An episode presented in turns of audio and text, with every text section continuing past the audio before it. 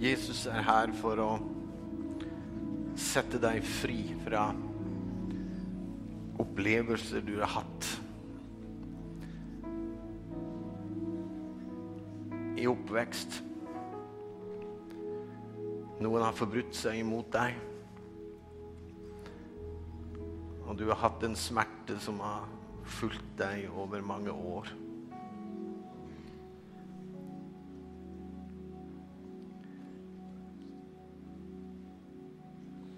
Jesus sier, 'Kom til meg med din smerte'.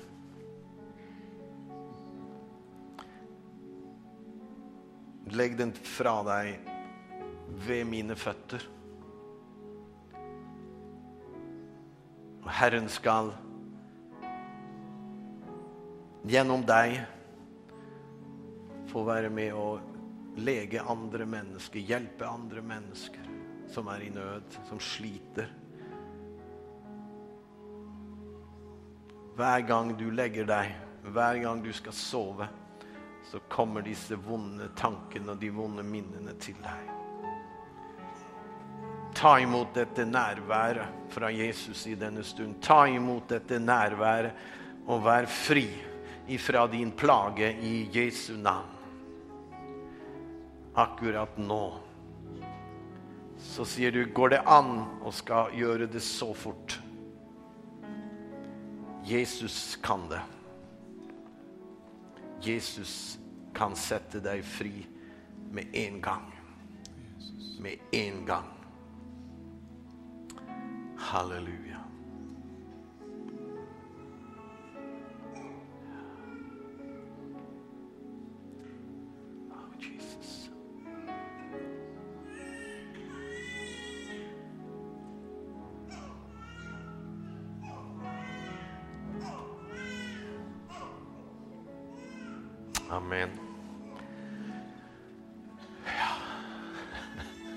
Dere kan få lov å sitte ned.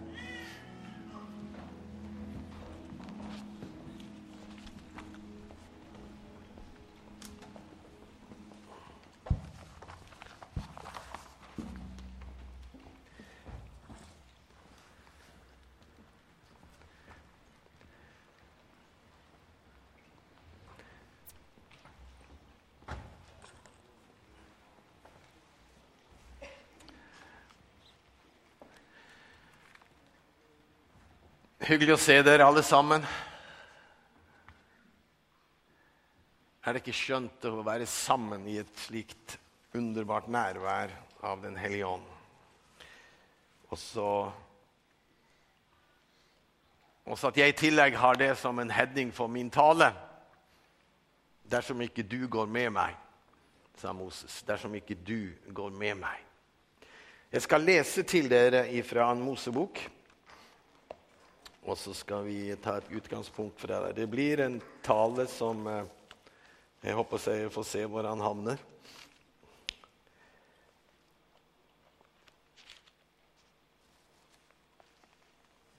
Eh, Ann Mosebok 33, tror jeg vi leser. Der står det, og vers 15 Da sa han til han, altså da sa Moses til Gud hvis ditt åsyn ikke går med oss, da må du ikke føre oss opp herfra. Hvordan skal det da bli kjent at jeg har funnet nåde for dine øyne? Jeg, ditt folk, hvis du ikke går med oss. Slik skal vi bli adskilt, jeg og ditt folk, fra alle andre folk som finnes på jorden. Hvis du ikke går med oss, da, sier Moses, da må vi slippe å gå. Denne grunnleggende tanken eh, kom til meg eh, det er vel en uke siden når jeg tenkte på tale her. Og det er klart at Min tale vil være litt preget av den helgen her. Og Uansett hva som blir resultat, så er vi inne i en fase av Gud holder på med the next gate. Vi går inn i en ny æra, vi går inn i en ny tid. Og eh, Jeg tror at Gud legger en ny flystripe foran oss, som du og jeg kan få lov til å ta av på. Og Gud gjør det ikke fordi at vi er dyktige. Det var fantastisk å høre en pastor fra Hillsong. Denne menigheten som er veldig kjent for sitt image rundt dette med å være dyktig. Toppe lovsangere, toppe musikere, verdenskjente lovsangere, verdenskjente musikere. Og du sier hvis ikke vi er et ydmykt folk, hvis ikke vi forstår at det er gjennom Den hellige ånd vi gjør tingene, og ikke gjennom dyktighet, da faller det om en stund igjen. Og det er noe av dette som er for oss også.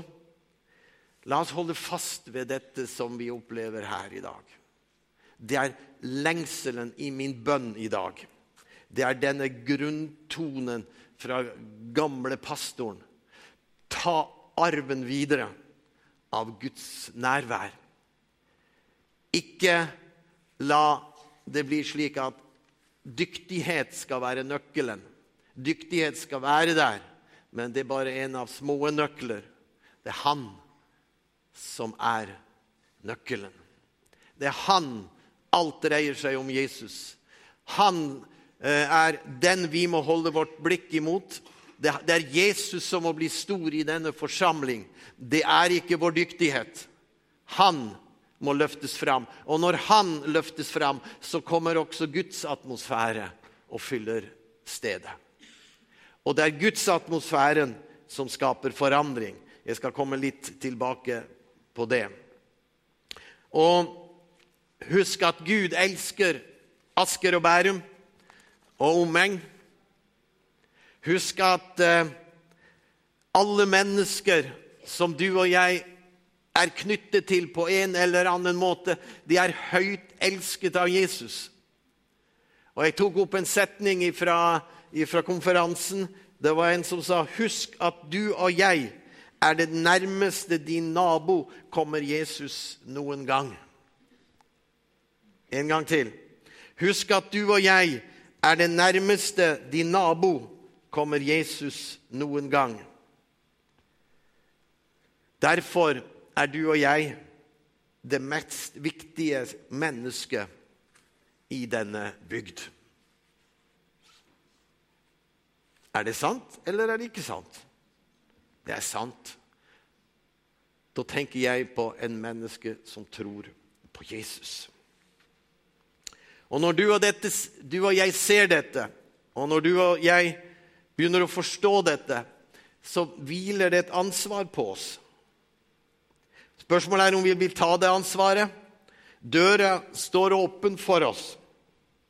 Jeg føler det i min ånd. Jeg merker det når jeg var på konferansen. Så mange input vi fikk fra ulike steder i Norge om at Gud holder på i vår nasjon. Det begeistret meg. Det begeistret meg. Hva Gud gjør. Det står 'markene' Eller dere sier om tre måneder så kommer høsten. Men jeg sier markene, de står allerede hvite til høst. Jeg ønsker å skal prøve her gjennom en par-tre bibelske personligheter å beskrive noe av dette med at, dette at hvis ikke Gud er med Og jeg skal begynne med Abraham. Eh, det står at eh, Abraham han eh, dro ut ifra Eller Gud sa til Abraham, 'Gå ut fra ditt folk, fra din slekt.' Og så står det en interessant Og gå til det landet som jeg vil vise deg. Altså, han, Gud ber Abraham først sette seg i bevegelse. Og så skal han vise ham hvor han skal gå. Noen ganger så er vi også veldig sånn at vi må først få alt på en tavle, og så eh, skal Gud være med oss. Eh, og så står det Så sier Gud til Abraham Gjennom deg, Abraham, skal alle jordens slekter velsignet. Og eh, for dere som kjenner Bibelen, så vet dere at Bibelen på vi, vi, vet ikke hvordan jeg skulle gjøre det her. Jo, vi kan godt si at hvis du har Abrahams tid fra den høyttaleren der, så er dette Abrahams tid. Så kommer eh, eh, Moses sin tid, og så kommer profettiden og kongetiden.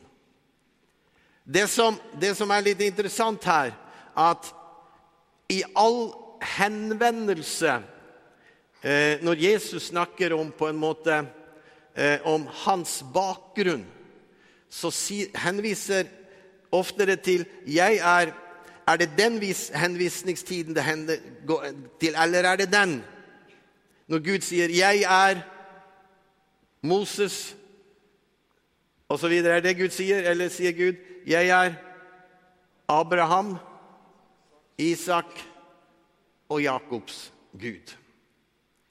Hvorfor? Jo, for her ligger trostiden. Her ligger den, den tid før Moses og loven kom og budene kom. Så her var det tiden, det området hvor troens, eh, på en måte troen bygde sin store trone gjennom Abraham, som kalles for troens far. Derfor når Gud henviser til, så henviser han til, til Abraham og Isak og Jakob. Og vi vet at Jakob, ut fra Jakob der kom en sønn som heter Josef. Det hørte om brødrene Jakobsen, ikke sant? Og så kommer Josef. Og ut fra Josef kommer egentlig tiden med, med, med bud og lov. Eh, var nei, Josef var en troens mann. Men det står etter en tid. Og de ble jo tatt til fange, jødefolket, og så havnet de i Gosen i Egypt. Og der levde de i trelldom. Og den, det er det vi skal se i den, den første delen her. Da skal vi se en mann som har også fått et oppdrag. Men han har trosgrunnlaget som nøkkelen i alt når den er ut fra den tanken Herre, hvis ikke du går med meg, så vil du se en mann som møter Gud eh, og møter utfordringene på en helt annen måte fordi han har et trosgrunnlag i sitt hjerte. Se bare en sånn sak som når, eh, når de kommer eh, eh, Abraham og Lot. Lot var, eh, var eh, Eller Abraham var Lot Nei, Abraham var, var onkelen til Lot. Og de to var med.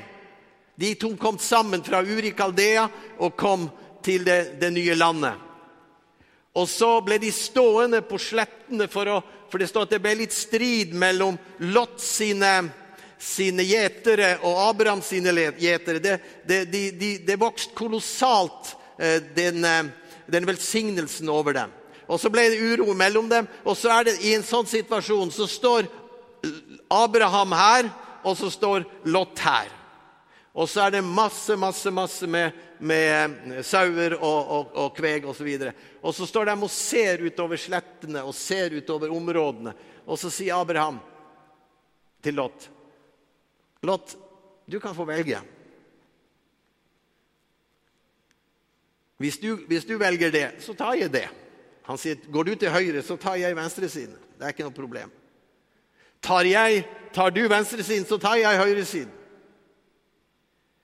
Og Når du ser på kartet, så vil du se at det ene er den flotte Jordansletten med utrolig mye eh, muligheter ut fra det du ser med ditt fysiske øyne. Men den andre siden er et knauset eh, eh, landskap med stein og sand og mye sånn. Men Abraham han sier indirekte Lot, ta du bare Jordansletten. For at om jeg går til høyre, så blir jeg velsignet der. Uansett. Går jeg til venstre, så blir jeg velsignet der. For jeg bygger min eh, Jeg bygger min, mitt liv med Gud ikke på det jeg ser, men jeg bygger det på troens grunnlag. Og der var det at Abraham var en ekspert. Så overalt hvor han gikk, overalt hvor han dro, så ble han velsignet. Ikke på grunn av noe lovisk, Ikke på grunn av at han var spesielt dyktig eller spesielt god. Han ble velsignet fordi han trodde Gud, står det. Og det er denne troesinnstillingen som du og jeg må ha. Fordi Gud, og vi må tro at Gud er med oss. Hvis ikke du går med oss, Gud. Så Abraham han hadde Gud med seg gjennom en sterk troeside. Og så vet vi at, eh, at eh, det ble noe kamp for han også når tiden gikk litt ut, og det gikk litt lang tid før, eh, før løftesønn kom. Han hadde jo fått et løfte om han skulle få en sønn. For Gud hadde sagt gjennom deg, Abraham, så skal alle nasjonene i hele verden bli velsignet. Og så er det det at han går og venter. Sara var gammel, og han fikk ikke barn. Og da, hør her, da det, ligner det litt på vanlige menigheter. Når vi ikke får det til da prøver vi å lage et alternativ. En, det vi kan godt kalle det for en aktivitet. Da er det at, eh, at uh, han velger å gå inn til trellkvinnen, og så får han ikke en løftesønn, men han får en sønn. Altså Han får noe som kan ivareta veien videre for ham. Men det var ikke etter løftet han fikk det. Det var ikke etter tro han fikk det. Og det er noe av det her på en måte som vi Og jeg ber i Jesu navn for denne kirke at alt det vi gjør i årene fremover, la oss bygge det på Guds tro. La oss bygge det på Herrens nærvær. La det være nøkkelen i veien videre. Han skal gå med dere. Han skal følge dere. Så, eh, så kom jo løftesønn. Vi kjenner til Isak. Men det du kanskje kjenner mindre til, det er at, at når, når, Abraham sier, når Gud sier til Abraham ta sønn som du har fått, gå opp på fjellet og ofre den. Da er det at Isak sier til, eh, til, eh, til faren sin, Abraham Jeg har veden. Vi har ilden med oss. Men hvor er det offer som skal ofres? Og da står det Da sa Abraham Gud vil ta seg ut offeret. Enda han hadde sagt at du må gå og ofre din sønn. Og så står det en interessant eh, bibelvers. Eh, det står at, at når de var på vei opp til det fjellet, så står det faktisk at Abraham sa til sine tjenere at dere kan vente her nå mens vi går opp. Og så står det en interessant eh, setning. Så sa han, for jeg og min sønn, vi kommer tilbake samme vei. Og alle vet hva han, hva de, han skulle gjøre med sønnen der oppe. Og alle vet hvor langt han gikk i det å være lydig. Det står at da han, da han løftet kniven, så så han et alternativt offer som pekte fram mot Jesus som skulle komme. Og når Abraham skulle, gjennom deg Abraham skal alle jordens slekter velsignet, så var det ikke Isak som, han skulle bli som skulle velsigne hele verden. Nei, det var det alternative offeret som han fant, denne bukken som sto fast i, krattet. Og så var det bukken som ble offeret. Det var Jesus som ble offeret. Og nettopp dette Dette er Abraham. Og så går vi til Moses. Og Moses han, eh, han, eh, han er også en kjent person. Jeg ønsker å bruke litt bibelstudie til dere. Det er mange mennesker i forsamlinga her. Og jeg merker nok en viss sånn nedgang i bibelkunnskap. Det er derfor jeg prøver å få en del ting på plass. Så har du, så har du Moses. Eh, Josef og, og, og, brødrene og han og alle disse var kommet til Israel, og Josef blir den store mannen som skal hjelpe Israels folk. Og så ser du at etter en stund så er de alle blitt slaver. Den faraoen han glemte Josef, står det. Og til slutt så var Israels folk bare slaver i Egypten. så er det at, at, uh, Moses, nei, at Moses blir valgt. Og han, de fører hele Israels barn ut. Og Da er det at dette bibelverset kommer inn. Moses sier du skjønner, 'Jeg kan ikke gå hvis ikke du er med meg'. Og hør, hør en interessant tanke nå. Vi kjenner, alle, vi kjenner til at, at Moses han slo eh, stokken sin over Det røde hav, og Røde havet delte seg.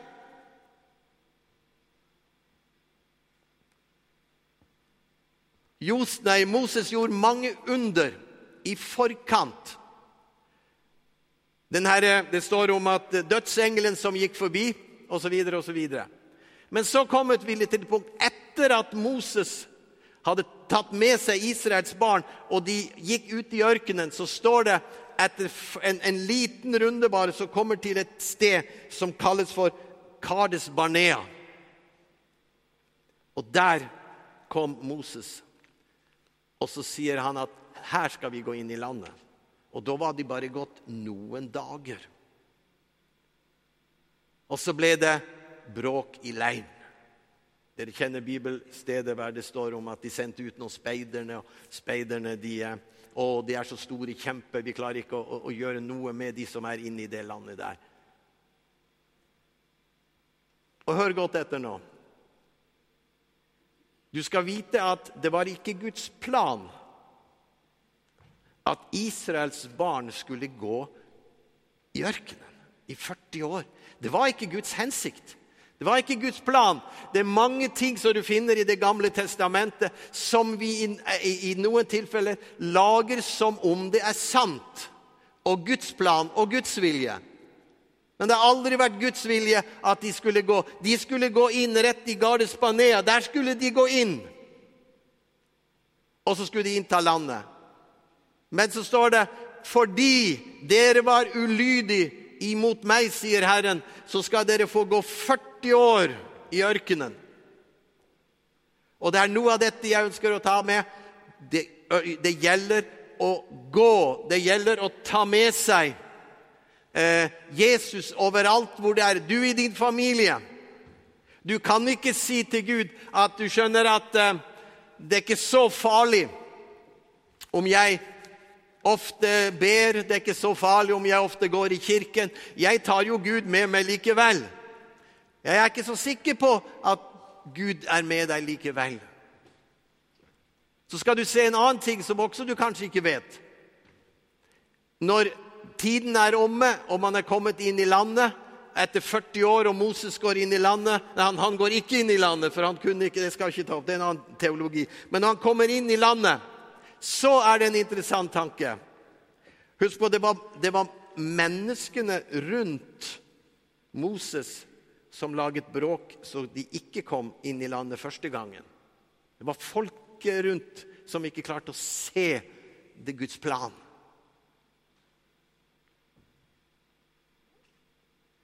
Så er det neste etappe. Da er det profetene som styrte Israel. Gud talte til profetene, og ga, de ga ordre rundt omkring hva som skulle gjøre, fordi Gud var med Israel. Og som en av fiendene sa, hvem er det i Israel som, som, eh, som er eh, eh, som er unfair imot oss? De vet jo alt hva som vi gjør. Og da var det denne mannen svarte, det er profeten i Israel som gjør det han har med Gud å gjøre. Poenget mitt er nå Så kommer den tanken fram i, iblant alle jødene som er kommet inn i Israels land. Så sier de, så sier de til Gud Alle andre har konger rundt omkring. Men vi har ingen konge. Vi føler oss jo helt utafor. Det er jo litt dumt at alle har konger, men ikke vi. Og da er det at folk, folket sier vi skal ha en ny, vi skal ha en konge til å, å være regent over oss. Verken en profet eller Gud. Og da står det Da ble Gud vred og sa, 'Gi dem en konge.' Men det er ikke min plan for Israel. Jeg tar dette med for at dere skal forstå at det er mange ting som er så selvfølgelig, men Gud Min poeng i dette er at Gud er med oss på mange måter. Eh, om ikke det optimale skjer bestandig, så er Gud der. Og i denne profetrekka så var det jo Saul som først kom. Og så, ja, denne kongerekka, så var det først Saul som kom, så kom David, og så kom Salomo. Og det er én ting som er så flott, og nå skal jeg gå inn i, i slutten av, av, det som jeg eh, kommer inn på på slutten. Det er om dette med at eh, i, i når, når, når, når kongerekken begynner, så sier Jesus på to steder Han sier Er det noen som klarer å huske? Nå, nå er det her liksom Bibel. Hva Sier Jesus noen ganger noe om David? Er det noen som husker noe?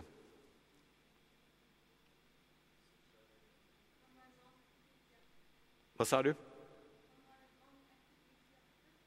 Ja. Jeg vet ikke om det var Jesus som sa det. Nei. Men sa Jesus, et sted hvor Jesus gir en link til en av kongene. Han sier, 'Jeg er Davids rotskudd'. Det er interessant. Og så sier han noe en, om han som kom etterpå sier han også noen gang om Salomo. Er det noen som husker hva han sier om Salomo? Jesus sier at her er en som er større enn Salomo.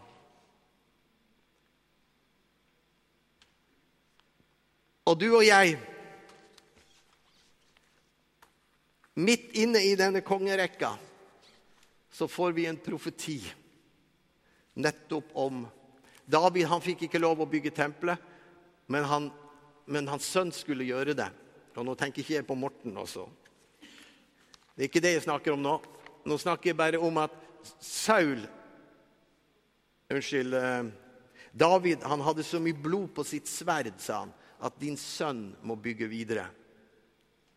Og vi ser nå et veldig tydelig bilde på den nytestamentlige tid som kommer gjennom profetrekka. Jeg tar det dette med. Det, det, er litt vanskelig for dere å, å, å, få med alt det her. Men jeg ønsker bare å, å, ha det med. For hva er mitt poeng?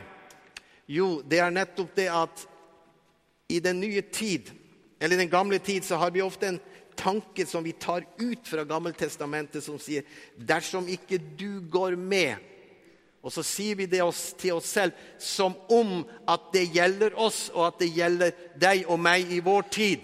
En gang til. Altså Når jeg sier 'dersom ikke du går med', så har vi et problem. Så spør jeg dere er det riktig i nytestamentlig tid å si Gud, kan vi regne med at du går med oss nå eller ikke? Er det riktig å spørre sånn? Kan vi bruke samme eh, samme tankegodset i nytestamentlig tid, i den menigheten vi representerer nå? Kan vi si at, at Gud, jeg håper du blir med oss? Eller sagt på en annen måte Gud, jeg regner med at du blir med oss.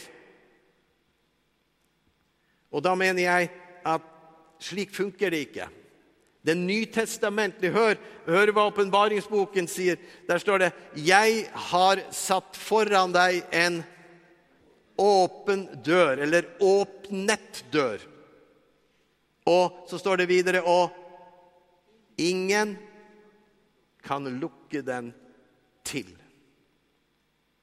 Og Det er noe av dette som jeg er tankegodset mitt i dag. Jeg skal ikke tale til dere for at dere skal tenke som så å, tenk om Gud kunne vært med meg. Kjære Gud, kan du ikke bli med meg? Om så den, siste gangen nå. Nå har jeg bedt Gud mange ganger, men jeg, har liksom ikke fått det til. Kan ikke du bli med meg denne gangen, bare? Men skjønn, det er det motsatte. når, når Johannes' åpenbaring sier jeg, se, jeg har satt foran deg en åpnet dør. En åpnet dør, den har vært lukket tidligere, ikke sant? Og så blir den åpnet. Det står ikke 'jeg har satt foran deg en åpen dør'. Jeg har satt foran deg en åpnet dør. Og det er Gammeltestamentet i forhold til Nytestamentet vi snakker om nå. Derfor i dag så er det en åpnet dør, og den står åpen hele tiden inn i Guds rike. Gud han er alltid med oss. Han er kontinuerlig med oss. Og ingen kan lukke den til utenom du selv og jeg.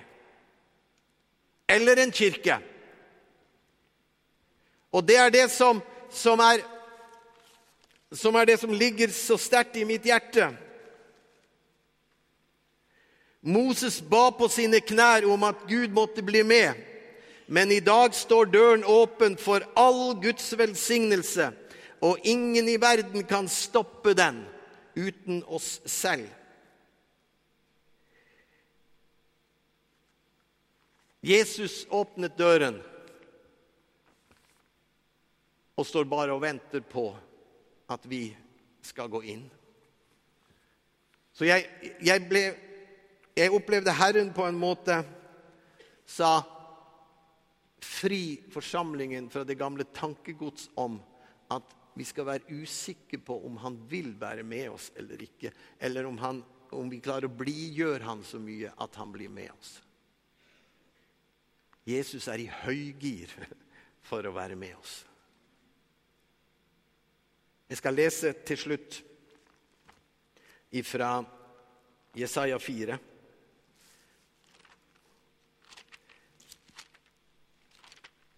Håper dere tar litt sånn klassisk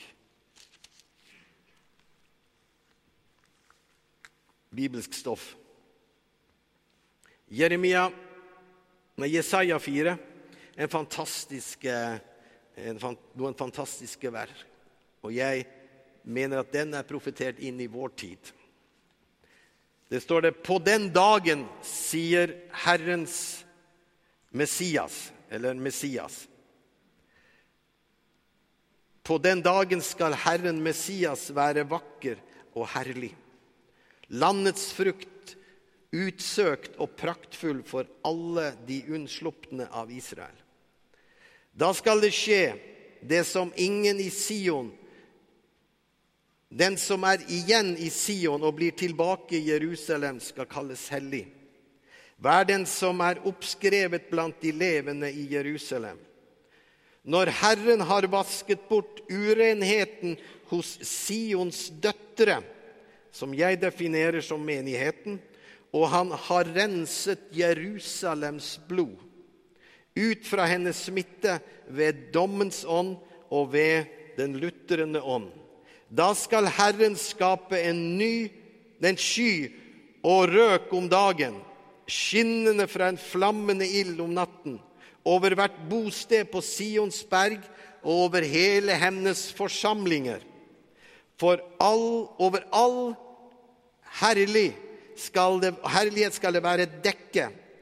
Det skal være som en hytte til å skygge seg på dagens hete og en tilflukt til ly mot uvær og regn. Dette er det tid som er i ferd med å spre seg over verden nå. Vi, vi ser en todeling av Guds herlighet.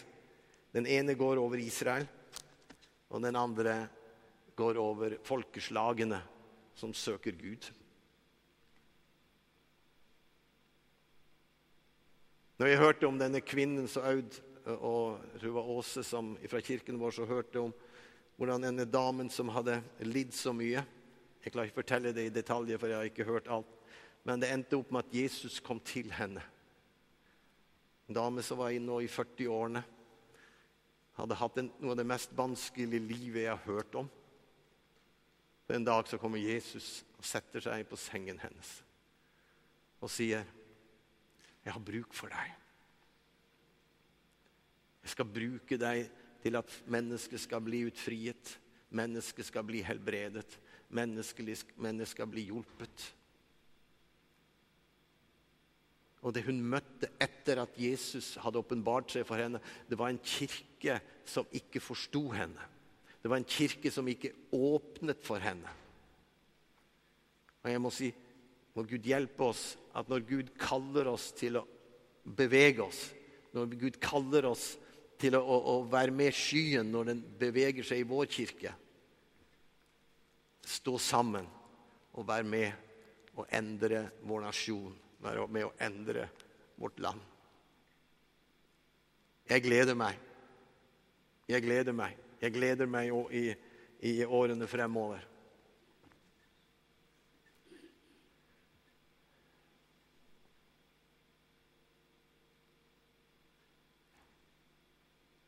Du vet ikke hvor verdifull du er. Jeg tror det er veldig mange som ikke forstår hvor verdifull du er for Herren, for en nasjon. Og hvor tilbakeholden vi kan være. Hvor vi trekker oss tilbake. Hvor vi tør ikke å være løfte hodet vårt når vi møter mennesker som ikke tenker som vi, eller ikke er troende. Løft hodene våre. Løft blikket vårt. Møt mennesker.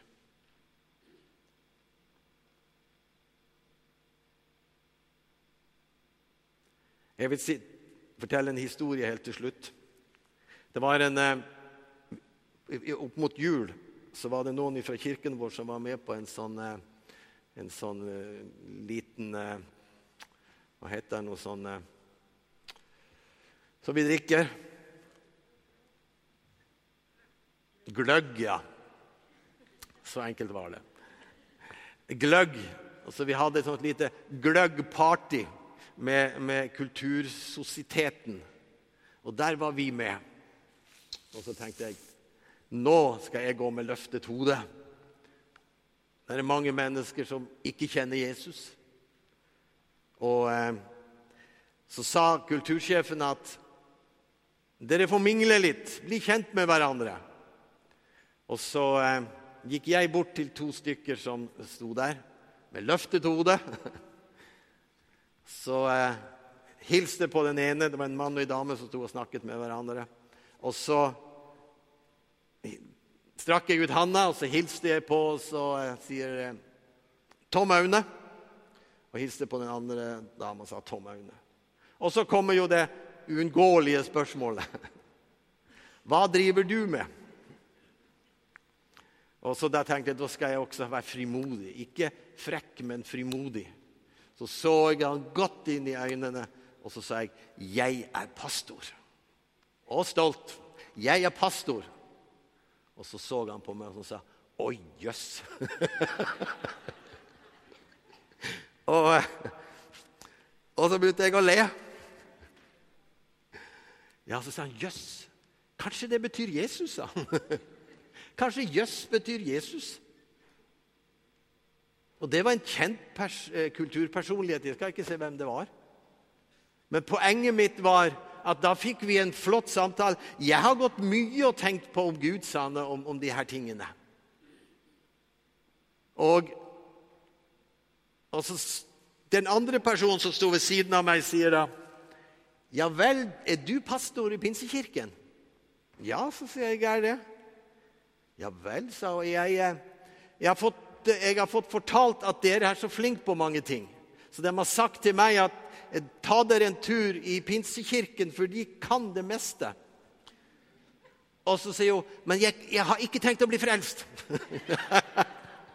Nei, altså, det skal du. Bare kom. Du skal få lov å ikke bli frelst. Og ja, Jeg skal ikke fortelle hvem som hadde sagt det til henne, men det var litt spesielt.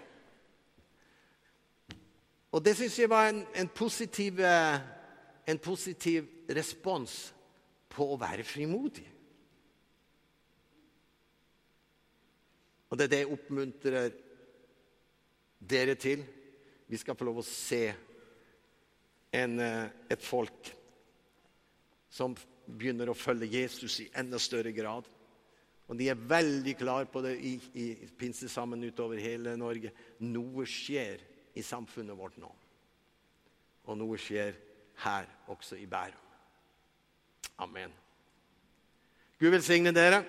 Jeg tror jeg stopper der.